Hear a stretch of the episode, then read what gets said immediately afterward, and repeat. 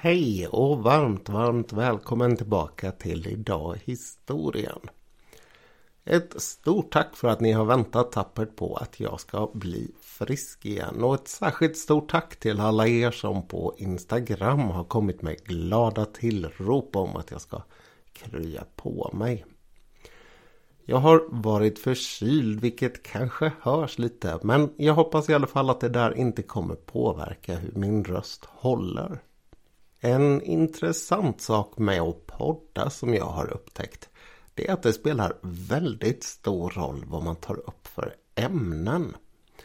De här lite mer lättsmälta ämnena de drar gärna någon sån där extra tredjedel ungefär lyssnare. Idag kommer tvärt vad jag lovade senast vi hördes inte bli ett av de där lite gladare ämnena och definitivt inte ett av de lite enklare ämnena. Utan tvärtom så kommer dagens ämne att vara både gräsligt och ganska svårt att förklara. Men jag vill verkligen att ni lyssnar på den här podden. Av två skäl. Dels för att det är någonting som rör någonting som är väldigt nära oss i tid. Men också därför att jag tror på att historia det är ett ämne som är sällsynt väl rustat att lära sig en hel del om människor och hur människor tänker. Och hur otroligt mycket det här kan ändra sig på väldigt kort tid. Idag ska vi nämligen hoppa tillbaka till någonting som skedde nästan precis när jag hade blivit till. Alltså inte född men blivit till. Och det vi kommer att möta där det är mer eller mindre taget ifrån en annan planet med dagens mått mätt. Jo, jag kan faktiskt lova så mycket utan att lova för mycket. Men en av de sakerna som ni har tagit upp när ni har mejlat till mig det är att det är väldigt bra att jag går rakt på sak och skippar skitsnacket så att säga i början av poddarna. Så jag ska hoppa rakt på dagens ämne. Och det är någonting som är helt och hållet påverkat av en grej som hände medan jag var sjuk. Om du är intresserad av historia och har läst någon historiekurs eller en lite mer sådär djupgenomgående historiebok där man diskuterar lite teori och metod så har du säkert hört talas om namnet Michel Foucault. En man som är en gigant och titan på alla sätt och vis inom historia och de flesta ämnen som ligger nära. Han har utvecklat en hel del idéer och det sägs att han fortfarande idag, trots att han dog för närmare 40 år sedan, är den som citeras mest och omnämns mest i olika arbeten. Han är med andra ord lika aktuell idag som han var när han dog, eller kanske till och med ännu mer. En av de sakerna som gör Foucault så oerhört intressant, det är hans val av ämnen. Han tittar på allting från sjukdomar till fängelser till sexualitet. Och på olika sätt så lyckas han vända in och ut på de här med ett bestämt öga på makten och maktförhållandena inom de här olika relationerna som uppstår i samhället kring de här frågorna. När jag skrev min magisteruppsats om aborter så använde jag mig själv av en Foucaultiansk diskursteori och jag måste säga att jag tycker att det är ett väldigt intressant perspektiv som han använder sig av där. Men nog om hans teorier. Den här berättelsen ska ta avstamp i hans privatliv. Och det var ett privatliv som det finns en hel del att berätta om. Han var på alla sätt och vis en flamboyant fransk akademiker. Och han levde dessutom en kort period i Uppsala. Någonting som gör att han får en alldeles speciell dragningskraft för oss svenskar. Trots att det har gått nästan 70 år sedan han lämnade Uppland så finns det en och annan äldre akademiker som skrattar när de drar sig till minnes berättelser om hur Foucault lär ha festat runt i Uppsala. En annan del i den här historien är också hur han inte blev godkänd för att gå upp med sin avhandling. Och hur han sen fortsatte ner till kontinenten igen och blev en superstjärna. Med den här statusen följde ett stort antal lärosäten och i flera olika länder dessutom. Efter att han var i Sverige så var han bland annat i Västtyskland, Tunisien, Frankrike och USA tidvis. Någonstans längs den här vägen, allra troligast på klubbar för homosexuella i Kalifornien, så drabbades på det tidiga 1980-talet Foucault av HIV-viruset. Det här var ju en sjukdom som det fortfarande då var väldigt lite känt om och en sjukdom som därför kunde sprida sig väldigt fort bland homosexuella i de här miljöerna. För Foucaults del så innebar det att han inte diagnostiserades vad jag förstår ordentligt förrän han kom tillbaka till Frankrike. Och han skulle bli sitt hemlands kanske första riktigt stora kända offer för sjukdomen. Han avled redan 1984, bara 57 år gammal. Så vad har då en sedan nästan fyra decennier avliden fransk superakademiker med min förkylning att göra? Jo, när jag låg här hemma sjuk så skickade min bror en länk till mig. En länk till tidningen The Sunday Times. Han frågade om jag hade sett det här och när jag såg vad det stod på länken så hoppade jag till ordentligt. I feta svarta bokstäver stod det French philosopher Michel Foucault abused boys in Tunisia. Den franske filosofen Michel Foucault utnyttjade pojkar i Tunisien. Den sista delen inom citationstecken. Personen som citeras är en gammal vän till Michel Foucault som heter Guy Sorman. Och han tycker att nu är den rätta tiden att träda fram och berätta vad det var som hände under den där resan till Foucaults hem i Tunisien i slutet av 1960-talet. Det han berättar är att Michel lär ha köpt en hel del sex av pojkar som var i ålder ner till 8-10 år gamla. Ingen annan, bör det tilläggas, har vittnat om att de här sakerna faktiskt ägde rum och det har blivit en rejäl diskussion om huruvida det här stämmer eller inte. Självklart så finns det gott om folk som ställer upp och säger att det finns inte en chans att den godhjärtade Foucault, han som har skrivit om personer som på olika sätt har varit utsatta, skulle kunna göra så här mot andra. Men innan vi definitivt kan avgöra ifall Sörman är en ensam person som är ute efter att smutskasta Foucault eller om han är den första som berättar den verkliga sanningen om honom så tycker jag att den här frågan får vila. Det finns dock ett spår i det här som är väldigt intressant att gå vidare med. Ett spår som öppnades återigen för min del just på grund av den här nyheten. När jag för några månader sedan var ute och gick med min hund Maja. Ni vet hon som ligger här i bakgrunden och snarkar hela tiden när jag pratar in de här poddarna. Så pratade jag i telefon med min moster. En kvinna som har en osviklig förmåga att vid de allra mest oväntade tillfällena ställa de allra mest oväntade frågorna. Frågan hon ställde den här gången, jag minns det väldigt klart och tydligt. Jag var på väg genom Stadsparken här hemma i Jönköping.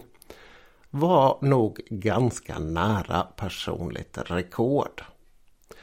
Det som helt plötsligt damp ner utan någon som helst anknytning till någonting vi hade pratat om tidigare var Vad vet du om utnyttjande av barn på 1960-talet?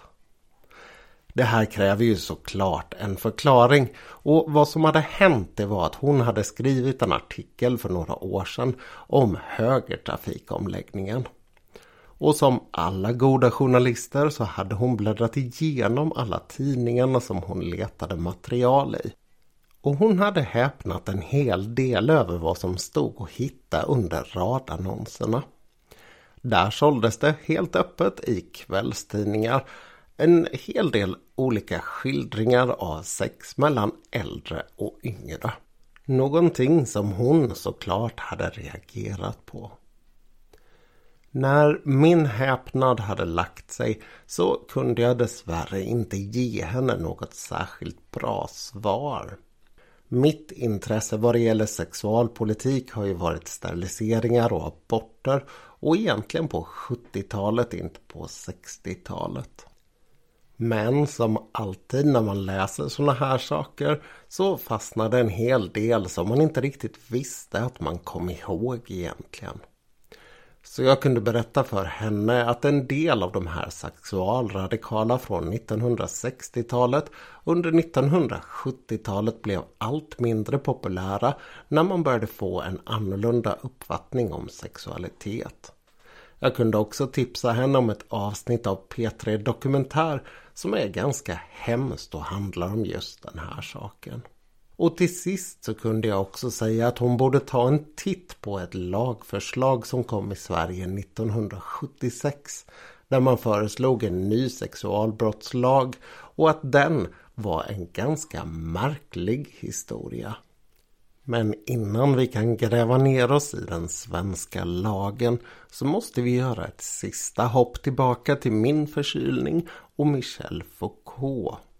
Det var nämligen så att medan jag låg här hemma och var förkyld så kunde inte jag hålla fingrarna borta från iPaden och söka efter andra saker kring Foucault. Och det jag fann, det fick mig att hoppa av stolen för tredje gången. Det var nämligen så att 1977, samma år som jag föddes, så hade man ett upprop i Frankrike där man begärde att regeringen skulle ändra lagen för hur ung man fick vara när man hade sex. Det som på engelska kallas för Age of Consent och som på svenska ibland kallas för byxmyndighetsålder. En ålder som i både Frankrike och Sverige vid den här tiden var 15 år gammal alldeles för högt enligt de här personerna som skrev under och nu ville att regeringen skulle sänka den. Men det var namnen som sen följde som fick mig att hoppa. Som fick mig att gnugga ögonen och läsa en gång till. Det lät mer eller mindre som en humanistisk grundkurs. Förutom Michel Foucault så på den här listan fanns Jacques Derrida, Louis Althusser, Jean-Paul Sartre och dessutom Simone de Beauvoir. Jag blev ganska förvånad. Jag tror att ni också blev ganska förvånade nu. Men till skillnad mot vad någon av er gör vid det här tillfället så ringde jag direkt till min moster. Jag sa, hej du förresten, du frågade ju mig det här för några månader sedan och jag måste bara säga att jag läste häromdagen att Foucault och så bla bla bla och fram till det här. Och med det förklarat så sa jag, vad tusan, det måste ju finnas någon märklig koppling här. Det kan ju inte vara så att man på regeringskansliet 1976 och i intellektuella kretsar i Frankrike 1977 har samma idéer helt oberoende av varandra. Vilken den här kopplingen är, det kan jag absolut inte svara på. Om någon vet ett bra svar eller i alla fall försök till svar på den här frågan så får ni hemskt gärna dela med er av det på Instagram. Instagramkontot till, det här, till den här podden heter precis som podden Idag i historien. Och jag kommer när jag lägger upp det här avsnittet också lägga upp en liten post om det här avsnittet. Skriv gärna där om ni känner till någon bra artikel på det här ämnet. Men under tiden så vill jag passa på att gå vidare med vad det var som egentligen hände i Sverige. För här hemma så var situationen något av det omvända mot Frankrike.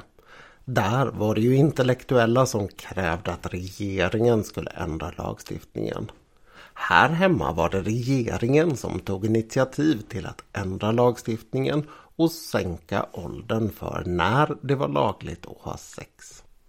Och varför man försökte göra det här är någonting som jag har ägnat en stor del av de senaste dagarna åt att försöka förstå.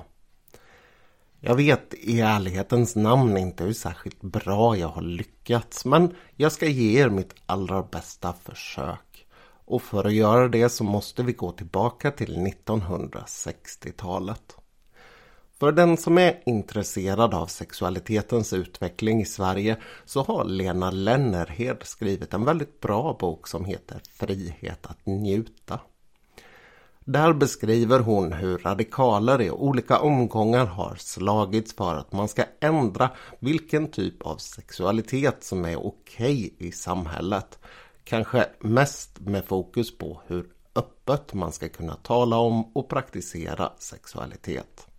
Fokus för hennes avhandling ligger helt klart på 1960-talets radikaler och det kanske är den gruppen av alla de som hon beskriver som är mest intressant. Det var ju osedvanligt mycket som hände på 1960-talet för unga människor i Sverige och det var ju en ovanligt stor generation som var ung då. Det som hände var dels förändringar i uppfattningar och dels teknologiska förändringar som var väldigt väsentliga. Vi kan börja med det senaste, senare. Det som kom som var nytt var p-piller och spiraler. Och dessutom så skedde det en ovanligt stor utveckling på abortens område vid den här tiden. Någonting som gjorde att aborter inte bara blev väldigt mycket säkrare det blev också väldigt mycket enklare att utföra. Och båda de här sakerna bidrar till den rent tekniska eller metodologiska om man så vill delen som gjorde att det blev möjligt att införa fri abort i Sverige i början av 1970-talet. Samhällets attityder förändrades också väldigt mycket här. Det finns en ganska kortfattad men faktiskt ganska viktig förklaring till det här skriven av Yvonne Hirdman. Där hon förklarar att helt plötsligt så började föräldrar i slutet av andra världskriget eller precis därefter att uppfostra pojkar och flickor på ganska mycket samma sätt. Den här generationen är alltså den första som har någon form av nytt och ganska modernt sätt att tänka kring jämställdhet.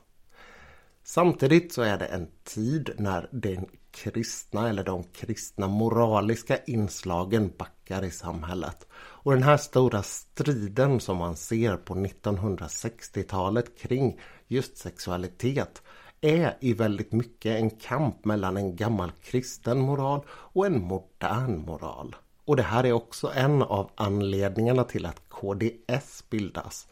Det parti som idag är Kristdemokraterna och som var radikalt annorlunda då mot vad det är idag. Men precis som jag berättade för min moster så var det ett antal av de här personerna som gick lite för långt.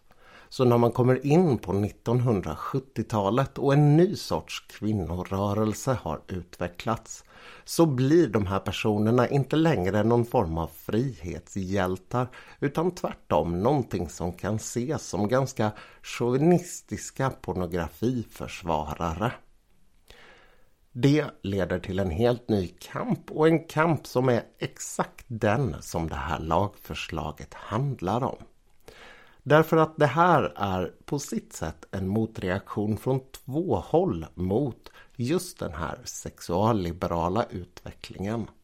Vill man förenkla det väldigt grovt så kan man säga att den offentliga utredning som kom 1976 är den sexualliberala höjdpunkten så sett att det är när regeringen har följt med i utvecklingen och försöker skriva lag av vad som har hänt under de föregående ungefär 10-12 åren. Samtidigt så är reaktionen mot det här lagförslaget pendeln som slår tillbaka.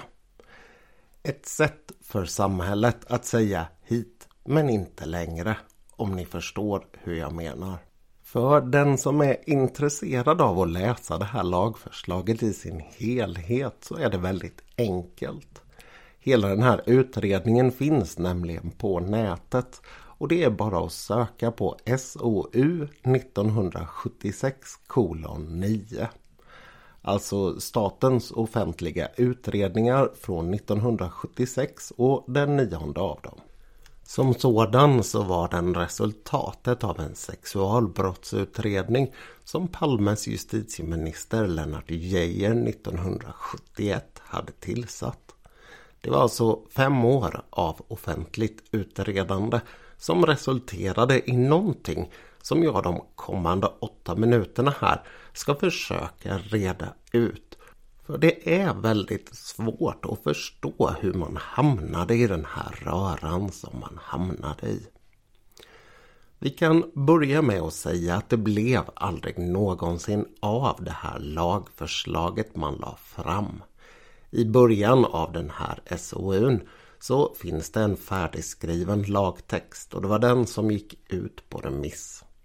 Men svaret, gensvaret från de olika organisationerna som läste den här blev så otroligt överrumplande för regeringen att man ganska snart bestämde sig för att det här såg inget vidare ut. I juni 1976 så uppvaktade alla från grupp 8 till Moderaternas kvinnoförbund justitieministern och sa nej tack. Och när jag säger alla så menar jag alla. Här fanns Lesbisk front, här fanns Husmodersförbundet. Här fanns Yrkeskvinnorna och här fanns Fredrika Bremer-förbundet. Här fanns Centerpartisternas, Folkpartisternas och till och med Socialdemokraternas egna kvinnoförbund. Ingen av dem ville ha lagen som justitiedepartementet hade lagt fem år på att utreda. Hur kom det sig och vad var det den här lagen innehöll som gjorde folk så upprörda? I grund och botten så är det precis just det här som jag sa tidigare att man försöker göra lag av hela utveckling som skedde från mitten av 1960-talet och fram till mitten eller andra halvan av 1970-talet. Men problemet var att när man satte sig ner för att skriva lag av det där så gick man många gånger längre än vad befolkningen som helhet tolererade. Redan när Geijer 1971 gav utredningen sitt uppdrag så märktes det åt vilket håll det här barkade. Han slog nämligen fast redan här att det var fördomar och tabuföreställningar som hade lagt grunden för den gällande sexualbrottslagstiftningen i Sverige och att det var dags att städa bort de här. Dessutom så ville man på olika sätt göra lagstiftningen mer neutral för kön och för sexualitet. Och man ville också att den skulle få en helt ny utgångspunkt. Så långt var det väl ganska sunda förslag men det skulle bli krångligare. Och det enda som egentligen skulle leva kvar här efteråt det var att man på alla sätt skulle jämställa homosexuell och heterosexuell Eh, ja, sexuell aktivitet. En annan sak som är värd att notera i sammanhanget det är att Lennart Geijer, mannen som var justitieminister, hade en väldigt annorlunda syn får man väl säga på kriminalitet mot vad väldigt många har idag. Geijer var på många sätt och vis mannen som ligger bakom hela idén om att man ska släppa fångarna loss. Han menade att det var väldigt viktigt att föra samman kriminalpolitik med socialpolitik och att det i många fall var en misslyckad socialpolitik som ledde just till att folk blev kriminella. Han tyckte dessutom att fängelsestraff var en ytterligt dålig idé och att man i många fall skulle ersätta det här med böter. Under 1970-talet så var han ständigt på kollisionskurs med rikspolischefen Carl Persson. Och det är också där som det kommer komma ett rejält bråk längre fram när Leif GW Persson som är sakkunnig åt eh, Persson berättar om den här utredningen om Lennart Geijers kontakter med prostituerade. Och det är det som leder fram till bordellhärvan eller bordellaffären eller vad man vill kalla den. Men vid den här tiden så var allt det här fortfarande okänt förutom för en mycket liten grupp människor. Värt att ha med sig i bakhuvudet också när man tänker på det här det är att 1976 när det här presenterades så var det val och det var ju det första valet där borgerligheten tog makten på väldigt, väldigt lång tid. Så hur det hade gått med den här lagen ifall sossarna hade vunnit det där valet är svårt att säga. Frågan är om kvinnorörelsen och andra hade lyckats stoppa den eller ifall man hade kört stenhårt för att ro den i mål. mål. Förutom att man skulle städa bort de här skillnaderna som tidigare hade funnits för att skydda folk från homosexuella brott. En uppfattning som man tyckte att man behövde ha just därför att om man blev utsatt för en, ja, ett utnyttjande av en homosexuell så kunde det ge större psykiska efterverkningar än om man hade blivit utsatt för ett övergrepp av en heterosexuell. Förutom det så ville man ta bort de olika uttrycken sedelighet och otukt. Och överhuvudtaget så var det här del av det här projektet att modernisera sexuallagstiftningen. Problemet när man diskuterade sedlighet menade man var att sedlighet visade att det på något sätt kunde finnas en norm som låg utanför lagens norm. Och det ville man inte att man skulle erkänna på det här sättet. Dessutom så menade man att det var ett ganska gammaldags ord. Problemet här är väl att det på sitt sätt faktiskt fanns någonting som liknar sedlighet eller åtminstone ett normsystem utanför lagen. Och det är det man nu hamnar på kollisionskurs med. När man siktar in sig på det värsta sexualbrottet, alltså våldtäkt, så gör man det till en ganska liten del av den här utredningen. Och det är någonting som har gjort att den har fått väldigt mycket kritik. Det är inte ens en tiondel av den som ägnas åt att se vad det är som får folk att våldta eller hur man reagerar på en våldtäkt eller hur man ska behandla folk som har blivit våldtagna eller har våldtagit. Utan man städar undan det där ganska fort. Och man gör det dessutom utifrån utgångspunkten att man måste sänka straffen. Till och med att man ska sänka straffen så mycket att det ska kunna gå att få böter för våldtäkt. Jo, ni hörde rätt här. Vad man tänkte sig det var att man skulle ändra lagstiftningen på ett sådant sätt så att det som tidigare omfattade våldtäkt skulle delas in i tre steg. Och där det allra grövsta, där man hade visat en synnerlig hänsynslöshet och brutalitet, skulle vara det som fortfarande kallades för våldtäkt. De andra fallen, de skulle kallas för sexuellt tvång. Och om det dessutom var ett mindre sexuellt tvång så skulle man kunna nöja sig med att döma till böter. Om inte det här i sig hade varit tillräckligt för att reta gallfeber på folk med en generellt god moral och hela våran kvinnorörelse så var nästa steg tillräckligt. Man tänkte sig nämligen att följande lilla parti i lagen skulle, ja, så att säga hantera offrets roll i det uppkomna brottet. Man skrev på följande sätt. Med hänsyn till den tvingades handlande före övergreppet eller eljest. Och det här betyder alltså att om en kvinna på olika sätt har betett sig så att hon skulle kunna ha sett som inbjudande till det här brottet så får hon del av skulden för det också. Stöd för det här resonemanget hämtar man bland annat ur en dansk undersökning där man har tittat på hur folket på gatan tycker om olika typer av sexuella brott.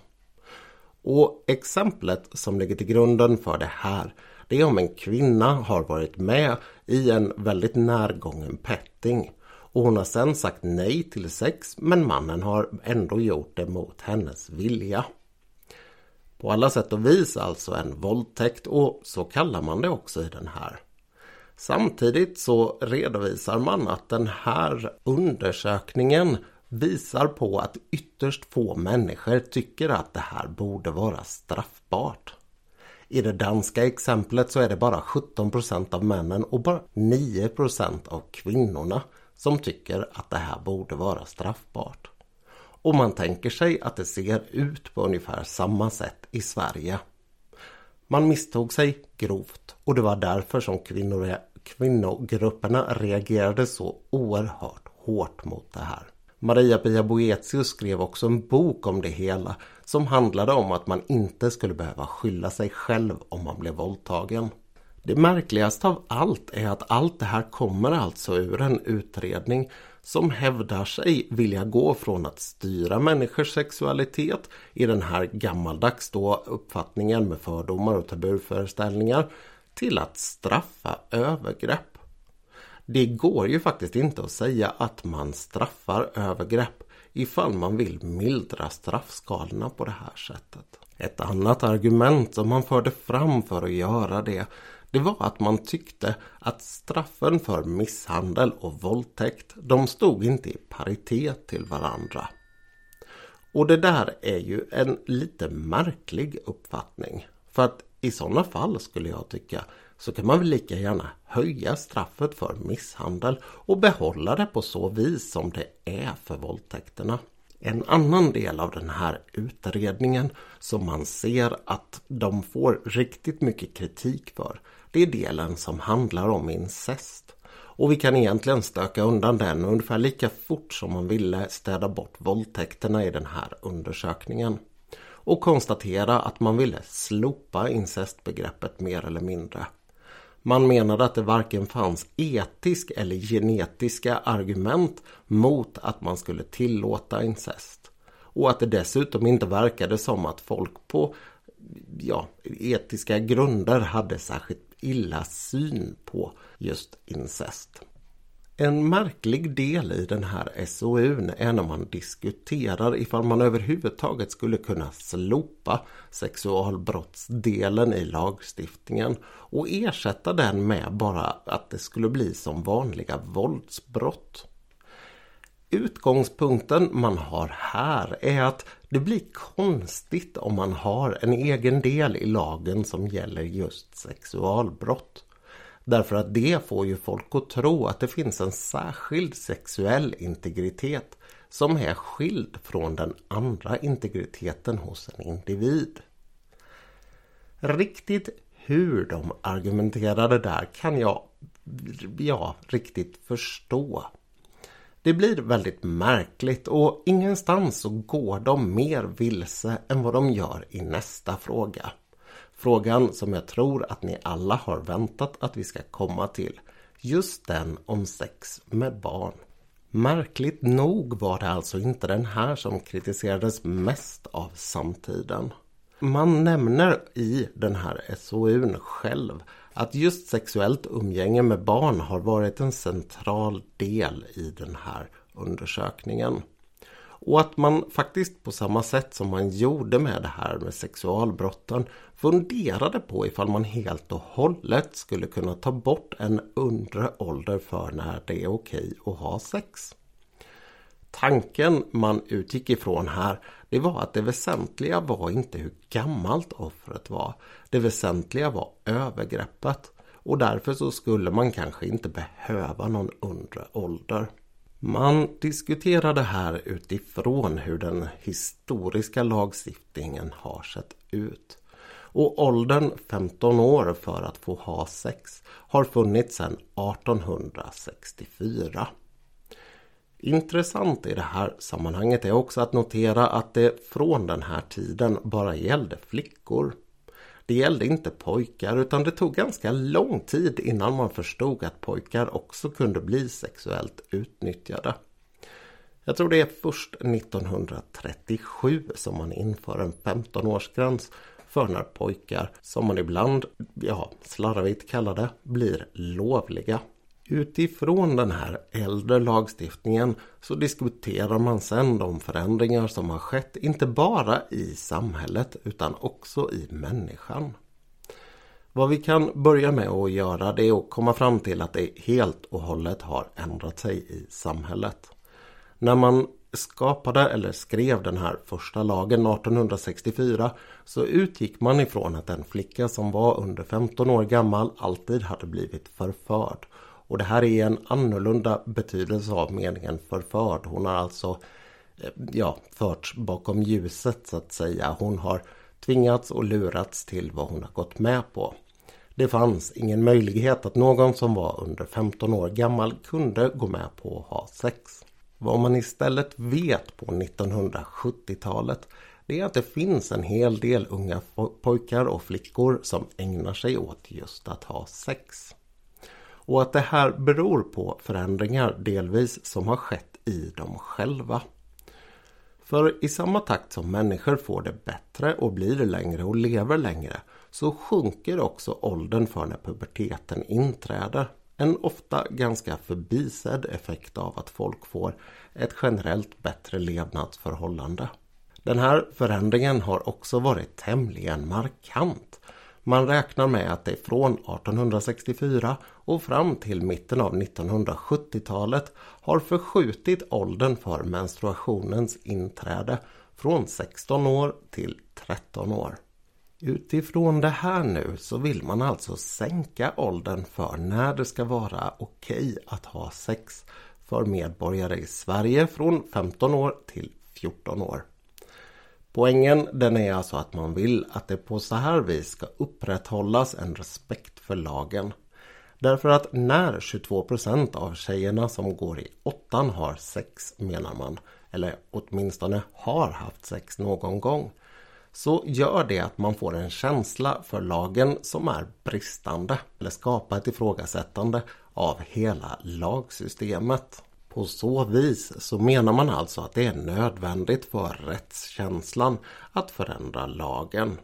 Och dessutom, visste man, så var det faktiskt inte bara trotsiga ungdomar som hade sex längre utan det var även de som hade goda relationer till skolan, hemmet och kamraterna. Det var så att säga alla ungdomar som var i längre eller kortare men i alla fall känslomässiga relationer som hade sex innan de fyllde 15 och därför så kunde man, eller borde man, ändra lagen för att upprätthålla känslan för lagen. Det som jag verkligen inte förstår med det här det är att utifrån den då gällande lagen så fanns det en möjlighet för åklagare att inte väcka åtal för två unga människor som hade sex. Om till exempel flickan var precis under 15 år gammal och pojken precis över 15 år gammal och de bedömdes ha en ålder och mognad och så vidare utveckling som var gemensam nivå på så skulle man passa sig för att väcka åtal. Det sa lagen redan då och tanken med det här det var att man inte behövde ge sig in i de här fallen där det fanns en full frivillighet från båda parter.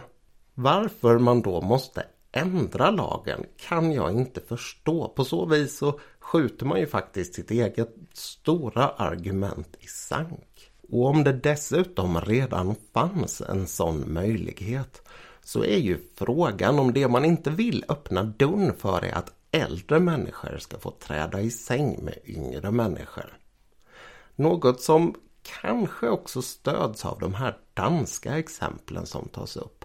Därför där kommer man väldigt tydligt in på att en 28-åring som vill ha sex med en 14-åring är ingenting som ses som något särskilt straffbart av yngre människor. Kort sagt, har man en modern sexuell uppfattning så är det inte så konstigt att ha sex med unga. Ovanpå det här så kommer det också en hel del lite mer, ska vi säga, fluffiga eller luddiga argument som är svåra att förstå. Man säger till exempel att ett kategoriskt förbud på så sätt som en ålder utgör motverkar en nyanserad bild av ungdomars sexuella relationer. Dessutom så vill man diskutera det här utifrån att unga kan gifta sig om de får dispens från Länsstyrelsen. Man nämner förvisso lite senare att det här främst gäller invandrare som vill följa sina mönster ifrån hemkulturen. Men det finns ändå de som gifter sig och som gör det med barn som är yngre än 15 år gamla. Och de, de får ju rätt att ha sex efter det här. Ovanpå det så diskuterar man också de riktlinjer som finns för skolan. I skolans sexualundervisning, någonting som man menar har lett just till att den här utvecklingen har skett för övrigt. Men i skolans sexualundervisning så utbildar man ju barn som är yngre än 15 år till sex. Och då är ju frågan varför man inte skulle kunna följa det här för att så att säga lägga båda två i linje med varandra. En annan väldigt märklig del i den här lagstiftningen det är att när man tar bort det här med att det ska vara sexuellt, eh, ja, fullgången penetration vad det verkar, utan bara ska handla om en sexuell beröring så vill man flytta ner gränsen från 15 år som den är med då gällande lagstiftning till 10 år. Jo, ni hörde faktiskt rätt där. 1976 så föreslog en svensk regering att man skulle sänka åldern när det var okej att sexuellt beröra människor från 15 år ner till 10 år. Det där får nog faktiskt de flesta att förstå varför det här är en av de mest ut... Ja, illa omtyckta SOUer som någonsin har skrivits. Och att man dessutom skrev i den här att den gällande lagstiftningen på många sätt och vis saknar förankring i befolkningen. Ja, det fick man äta upp ordentligt så som jag har beskrivit tidigare. Det var väldigt många, väldigt tunga förbund som vände sig emot den här lagstiftningen. Men vad var det egentligen som gjorde att man ens kunde föreslå någonting sånt här? Jag blir er svaret skyldig på den frågan. Det finns trådar man kan dra i här och det finns en hel del spår som är ganska tydliga. Till exempel så tog man, även om man försökte gå ifrån det här med att ha en gammaldags styrning av folkets sexualvanor med sedlighet och otukt och så vidare som jag sa tidigare till att prata om övergrepp Även om man försökte göra den övergången och modernisera lagen så förstod man inte att gå hela vägen till frivillighet. Att frivillighet är grunden för den sexuella aktiviteten hos en människa. Och här kommer man ju faktiskt tillbaka till det där som jag sa tidigare när de ville ta bort sexualbrotten helt och hållet därför att det skapade den märkliga uppfattningen att det fanns en sexuell integritet som var skild från människans övriga integritet. I min värld åtminstone, och ni kan tycka att jag är ytterligt konservativ nu om ni vill, men i min värld åtminstone så finns det en sexuell integritet som är annorlunda mot de andra delarna av en människas integritet. Därför att vi har inte bara en integritet och vi har inte bara en väldigt enkel personlighet så som man försöker reducera det till i den här utredningen. Tvärtom så är människor ytterligt komplicerade och det är väl det som de helt och hållet har missat här. Intressant nog så kan man faktiskt göra en jämförelse tillbaka till våra goda vänner fransmännen här tidigare. De hade nämligen sagt själva att det här med samtycke det var någonting som man inte kunde ägna sig åt därför att det finns ingen människa som skriver kontrakt när det är dags att ha sex. Det må så väl vara, men det betyder inte att ett nej betyder ja.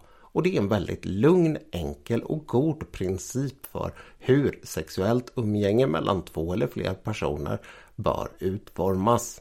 Och det var delvis det här då som man hade missat när man försökte sikta in sig på ifall det hade varit tvång eller inte. Det blir väldigt konstigt när man tappar bort frivilligheten på det här sättet. Och en av de saker som hände efter den här utredningen det var att man direkt på hösten 1976 tillsatte en ny utredning. Den borgerliga regering som följde på den socialdemokratiska regering som hade föreslagit allt det här skapade sin egen utredning av sexualbrottslagstiftningen i Sverige. Den fick i sin tur en helt annan inriktning än den här tidigare socialdemokratiska och det är också den som till väldigt, väldigt stor del ligger till grund för den nya socialbrottslagstiftning, sexualbrottslagstiftning, nu är jag bli trött, som kom 1984. Och då är det alltså en socialdemokratisk regering som röstar igenom en borgerlig utredning. Och det här är någonting som det sen har rått en ganska god överenskommelse mellan de olika blocken emellan framöver. Den verkliga delen av den här historien som sticker ut är alltså SOU 1976-9. Och varför det blev så här är som sagt någonting som jag tycker är väldigt intressant. Vad var det som var så speciellt där i slutet av 1970-talet? Och hur kunde det ha en sån internationell, i brist på bättre ord, Eh, Eh, ett sånt internationellt genomslag att både franska intellektuella och den svenska regeringen argumenterade för samma sak. Jag har faktiskt svårt att tro att det inte gick på liknande håll i andra länder.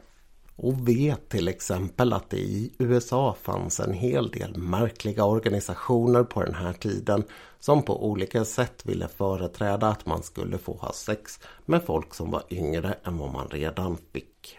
Nåväl, den här podden har redan blivit betydligt längre än vad jag hade tänkt mig. De åtta minuter som skulle gå till att beskriva SOU 1976-9 har istället blivit drygt 20. Jag ska ge mig här även om jag tittar på mina anteckningar och ser att jag har missat att ta upp en så intressant sak som att man från regeringskansliets sida eller justitiedepartementet, beroende på hur ni vill se det, menade att den utveckling som hade gått i sexualliberal riktning hade varit väldigt önskvärd och att man nu såg det som att skolan skulle bidra till att det fortsatte i den riktningen. Svart på vitt skrev man alltså att det var skolans sak att utbilda befolkningen att bli ännu mer socialliberal, sexualliberal. Inte heller har jag hunnit ta upp diskussionen kring hur barn som har blivit utsatt för sexuella utnyttjanden drabbas. Slutsatsen man drar där är att det lyckligtvis, som man kallar det, inte blir några längre psykiska skadeverkningar för barn som har utnyttjats.